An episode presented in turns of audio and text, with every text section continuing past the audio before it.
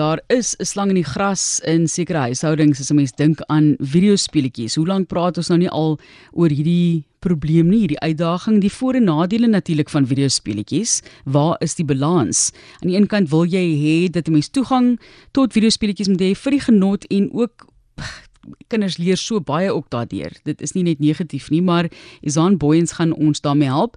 Sy is 'n neuro terugvoer spesialis met Brain Harmonics en ons weet wat 'n groot uitdaging dit kan raak nie net eers vir kinders nie, nê, vir volwassenes waar 'n persoon eintlik nie regtig mee deelneem aan die huishouding nie en heel dag lank videospeletjies speel. En jy weet, Isane mense wil nie mense oordeel vir wat hulle geniet of wat baie keer ook maar 'n bietjie van 'n verslawing kan wees nie, maar iewers soos jy sê, moet 'n mens sê hoe lank is te lank? Ja, ja, goeiemiddag. Ehm um, dit is alles in die lewe moet daar mos maar 'n balans wees om 'n gesonde leefstyl te te handhaaf. Ja. En ehm um, met Brain Harmonics is dit waaroor dit gaan. Ons balanseer die brein sodat hy tot die beste van die persoon se vermoë kan funksioneer, soos optimaal kan funksioneer in alle opsigte. Ek wil amper sê ja, gaan voort, skies. Nee, nee, nee, soos wanneer ons nou kyk na na uh, speletjies aanlyn, ehm um, soos my ouma altyd gesê het waar daar 'n te aan verbonde is, moet jy maar weet daar is 'n rooi rooi ligte. So dit is maar balans wat 'n mens moet handhaaf. Kom ons wees net gou vinnig eers 'n bietjie positief en dan praat ons oor die negatief. Wat is die voordele van videospeletjies? En weer eens selfs dink nou maar aan die vakansieperiode. Julle noem dit nou die somer vakansie dilemma. Ja, kyk daar is baie voordele daaraan want dit dit dit stimuleer tog kognitiewe ontwikkeling. As jy speletjies speel, veral met die kleiner kinders, as jy nou na die kinders kyk met vorms, patrone pak, Tetris daai tipe speletjies.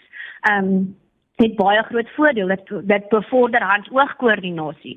Selfs sekere aanlyn speletjies waar hulle met mense kommunikeer, het tog ook hulle voordele.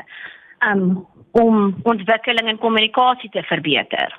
So daar is baie voordele ook met aanlyn en ons lewe tog nou maar in 'n tegnologiese wêreld op hierdie oomblik.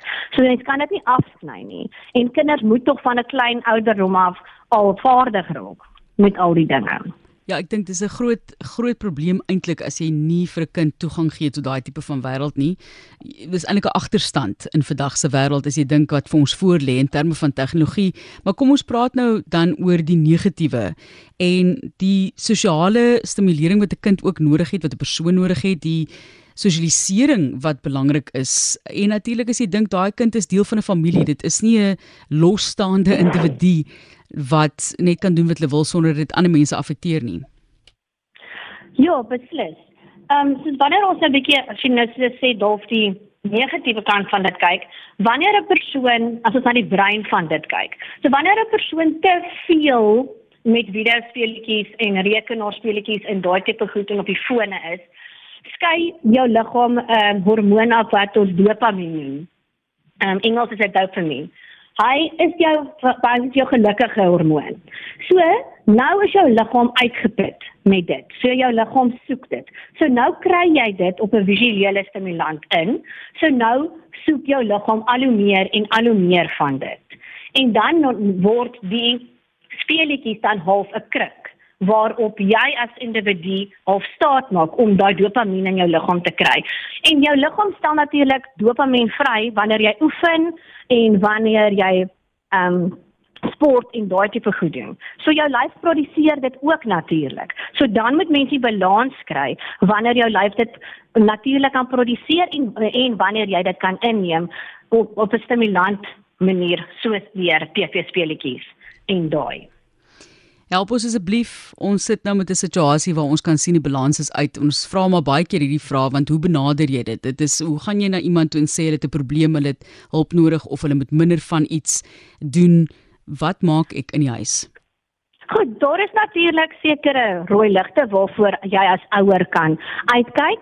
Jou kind sal rusteloos wees, sy slaappatroon of enige persoon in die gesin se slaappatroon is versteur. Hy ehm um, baie van hierdie uh, goed is aanlyn en dis deur die nag. Ehm um, eetgewoontes word versteur. Dit kan na enige kant toe gaan na persoon wat so besig is en so konsentreer vergeet om te eet. So jou ehm um, eetgewoontes word afekteer of jy eet alles wat voorkom en dan veroorsaak dit ongesondheid na die ander kant met gewig en so en dan aan die ander kant kinders veral wat te veel op die skermtyd spandeer is nogals aggressief en ongeduldig. So jy gaan dadelik 'n ehm um, half en jou kind kan sien hy hy het nie meer daai geduld nie. So wat dit maar is, soos met alles in die lewe, moet jy maar tydbestuur toepas. So ja, dit is gerieflik en ek weet die skermtyd is ook 'n baie groot baba oppasser in baie van ons gesinne, maar tydbestuur is baie belangrik hierso. Wanneer ons son skyn daai het, ons bly in 'n land waar daar soveel mooi en lekker daar is, moet die kinders uit en hulle moet speel en gaan fietsry. Ons is tog nou met vakansie, so asseblief spandeer tyd saam met jou kinders. Gaan lê op die gras en rol daar rond en hou 'n piknik saam met jou kinders. Kommunikeer weer met hulle. Dan balanseer die dinge uit.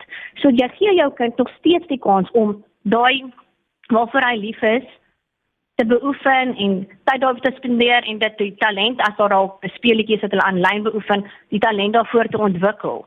Um dit moet mens ook voor tyd maak, maar asseblief tyd bestuur dit net. Kinders, hoe jonger hulle is, kan nie langer as 2 ure op 'n dag um aan hierdie TV's en goed, want as gevolg van die flikkering van die skerm en die gedurende verandering van tonele. Dit is hoekom ek sê mens moet daai tyd beperk. Kom ons praat net laasens gevindig ook oor die tipe speletjies. Dit is sekerlik ja. belangrik om seker te maak dat dit is gepas vir die kind self. Hmm. Natuurlik, dit is baie baie belangrik want daar is so 'n fyn lyn. Soos wanneer 'n kind byvoorbeeld 'n uh, aggressiewe of gewelddadige speletjie speel waar hulle nou met wapens skiet en so. Naderhand is daai lyn tussen werklikheid en fantasie word so half geblur as ek nou 'n Engelse woord kan gebruik dat dit daai word vir 'n kind realiteit, maar in die regte lewe, in die wêreld waar ons leef, kan jy nie uitgaan en sulke goed gaan aanvang nie. Dit is sosiaal heeltemal onaanvaarbaar. So dit is hoekom die tipe speletjie wat jy kan speel ook baie in ag geneem word. Kyk maar na die ouderdomsbeperkings en beheer dit maar. Ons sê vir jou baie dankie. Kan ek gou vir jou vra net vinnig wat is is daar voorval of 'n voorbeeld wat jy kan dink wat jy voel regtig iets was wat jou geskok het in terme van hoeveel ure 'n persoon spandeer dit aan videospeletjies in 'n week. Wat is regtig uit balans uit dink jy? Wel, uit balans uit, dat soos mense by die deur nag doen en wanneer dit jou sosiale en ehm um, goeders beïnvloed in 'n negatiewe lig. Jy kan nie meer kommunikeer nie. Jy verleer dit. Dan is dit definitief waar jy besig is om heeltemal in die negatiewe lig in te gaan. Um om 'n voorbeeld te gebruik, daar was al gevalle waar ons kinders gehad het wat na my ons toe kom vir die brein training by Don Brein Harmonics dat die kinders wat doodrustige introverte kalm kinders is aggressiewe gedrag begin vertoon. En dit is as gevolg van te veel van die blootstelling aan die gewelddadige en ook te veel tyd op die skerm. Ja, kyk bietjie wat rondom jou aan die gang is weg van die skerm. Ek preek vir myself nou as 'n mens net dink aan selfoon, nie eens videospeletjies nie. Izaan, baie baie dankie. En ons sê sterkte aan mense wat hierdie uitdaging in die huishouding het wat regtig baie keer net nie weet wat hulle moet doen nie.